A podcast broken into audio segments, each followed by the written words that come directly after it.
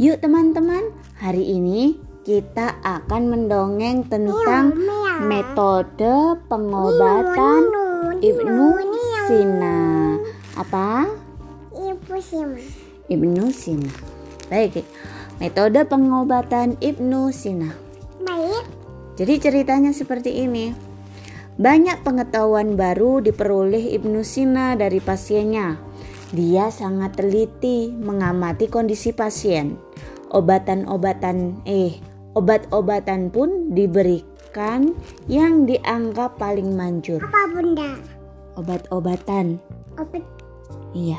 obat ah? Iya, obat-obatan yang diberikan kepada pasien dianggap paling manjur. Perkembangan kesehatan pasien harus terus diperhatikan dan dicatat sehingga Ibnu Sina mengetahui penyakit-penyakit baru. Dia juga menemukan obat-obat yang cocok. Kutub Hana sudah terbakar. Tetapi, apa itu kutub Hana? Perpustakaan yang bernama Kutub Hana sudah terbakar, tetapi Ibnu Sina masih bisa terus belajar. Caranya dengan mengembangkan ilmu dari praktik medisnya. Mm-mm. Nah, dia percaya penyakit dari Allah, penyakit dari Allah dan obatnya juga dari Allah. Setiap mengobati pasien, dia senantiasa berdoa. Dokter berusaha mengobati, tetapi Allah lah yang memberi kesembuhan. Dia tidak cemas berhadapan dengan penyakit-penyakit yang aneh. Ibnu Sina. Iya penyakit yang aneh. Penyakit aneh itu apa? Ya penyakit yang belum diketahui namanya. Kayak apa sih? Kayak apa ya? Ya belum diketahui namanya. Kalau penyakit flu itu kan tahu namanya. Oh itu sakit flu. Oh, itu sakit demam, sakit panas itu sudah diketahui namanya. Tapi kalau penyakit aneh belum diketahui namanya. Hmm, maka harus dite diteliti. Kalau kalau itu kan itu kan sakit parah tuh. Iya sakit parah tuh sakit aneh ya. Itu kan Ibnu. pakai sakit parah. Iya sakit parah. Yuk kita lanjut ya. Bunda takut nggak sama sakit parah? Gak takut kan ada Allah. Ada udah. Kata Ibnu Sina tadi apa keyakinan Ibnu Sina? Eh, setiap penyakit dari Allah, maka obatnya juga Mana? dari Allah. Mana bunda? Gitu. Itu tadi. Yuk kita lanjutkan. Ibnu Sina memanjatkan doa, memohon, iya, memohon pertolongan Allah sehingga Ini bunda. Iya, sehingga Allah memberi petunjuk kepada dokter yang soleh itu. Ia pun dapat memberikan obat yang tepat. Ibnu Sina juga yakin Al-Quran merupakan obat bagi sakit jiwa. Dokter hebat ini atau Ibnu Sina ini menyadari pentingnya obat yang berasal dari alam. Contohnya, dia mengandalkan kunyit dalam pengobatan. Padahal orang menjadikan kunyit sebagai bumbu dapur saja. Kunyit ditelitinya dengan baik lalu diuji cobakan dalam pengobatan. Pasien merasakan khasiat kunyit dapat mengurangi rasa nyeri.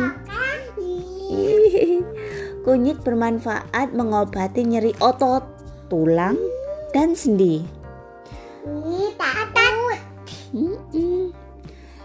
Dunia iya otot. Dunia kedokteran tercengang dengan khasiat besar pada kunyit. Ibnu Sina membuktikan hebatnya pengobatan alami. Kunyit terus menjadi bahan penelitian Ibnu Sina. Ternyata kunyit tidak hanya berkhasiat meredakan nyeri saja. Ibnu Sina menemukan manfaat kunyit untuk memperlancar metabolisme.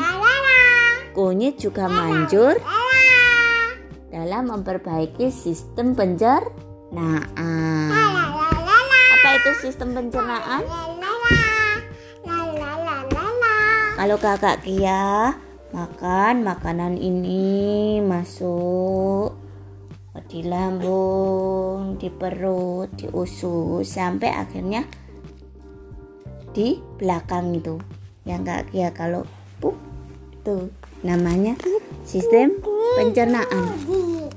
Aku makan makanan sehat tuh. Iya biar pencernaannya sehat.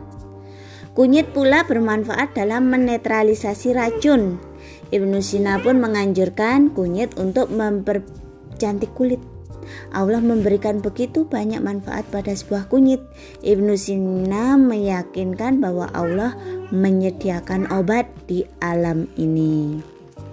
Pada masanya, teknologi kedokteran belum secanggih sekarang. Namun, Ibnu Sina memahami kasus patah tulang dengan amat rinci. Dia mengarang buku jenis patah tulang dan cara perawatannya. Bukunya itu terus menjadi rujukan ilmu kedokteran sampai sekarang. Ibnu Sina menjelaskan adanya patah tulang memanjang, melintang, atau campuran keduanya dia memberikan petunjuk bahwa patah tulang dapat diketahui rasa sakit, bengkak, dan kelainan bentuk otot. Diagnosis harus segera dilakukan bila didapati tanda-tanda itu. Dengan rinci, ia memperhitungkan waktu penyembuhannya pada tulang. Misalkan, kalau tulang hidung, mana hidung, Dek? Nah, itu menghabiskan 10 hari masa penyembuhan. Kenapa ini bunda? Iya sakit tulang dia. Kalau pada tulang rusuk, mana tulang rusuk? Rusuk mana? Ini penyembuhannya 20 hari. Ini Kalau lengan apa? Iya sakit patah tulang dia. Kalau lengan 30 sampai 40 hari dan seterusnya. Patah tulang anak-anak masa penyembuhannya lebih cepat dibandingkan orang dewasa. Tulang adalah rangka penting dalam tubuh manusia. Sakit kenapa ini? Tubuh Patah tulang. manusia itu kita. Kalau tubuh manusia itu seperti tengkorak gitu loh. Iya itu kerangkanya namanya tulang. Ya kalau nggak ada tulang nggak bisa berdiri kita. Mm-mm. Nasihat-nasihat Ibnu Sina bermanfaat bagi semua dokter di dunia. Iya, menurutnya lamanya pengobatan patah tulang. Ini siapa? Ini bunda kenapa? Iya pasien. Itu pasien apa ya? Yuk kita baca yuk. Dia sakit apa yuk? Yuk kita cerita ya. Sakit apa ya? Iya, yuk kita tebak yuk. Sakit apa ya? Sakit. Yaitu apa tadi? Menurut lamanya pengobatan patah tulang, yaitu terlalu banyak gerak. Pembalutan tidak sempurna, penyakit lain yang ada dalam tubuh yaitu anemia.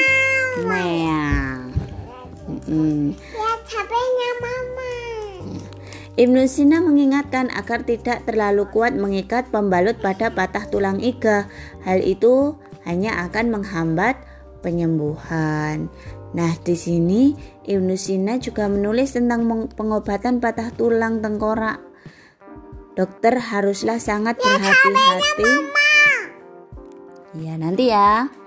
Bila menghadapi kasus begini, patah tulang tengkorak dapat membahayakan pasien karena pasien bisa pusing, pingsan, bahkan tidak bisa bicara.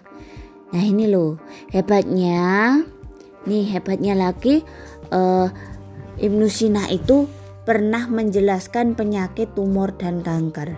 Padahal Bunda. penyakit Bunda. ini, Tubuh tengkorak itu bersama. Seperti kita bersama. Mm-mm. Itu kan karangnya itu. oh, kerangkanya, Bunda bersama. Ini kan kulitnya. iya, iya, betul. Mm-mm. Seperti itu, ya. Jadi, mama. Ya, jadi Ib- Ibnu Sina itu sudah mm, pernah menjelaskan penyakit tumor dan kanker padahal dua penyakit itu apa namanya? banyak terjadi pada masa modern ini. Namun Ibnu Sina dikarunia kecerdasan yang luar biasa sehingga dia bisa menerangkannya di abad-abad yang lampau. Ya. Laura. Oke, sudah selesai ya ceritanya tentang metode pengobatan Ibnu Sina.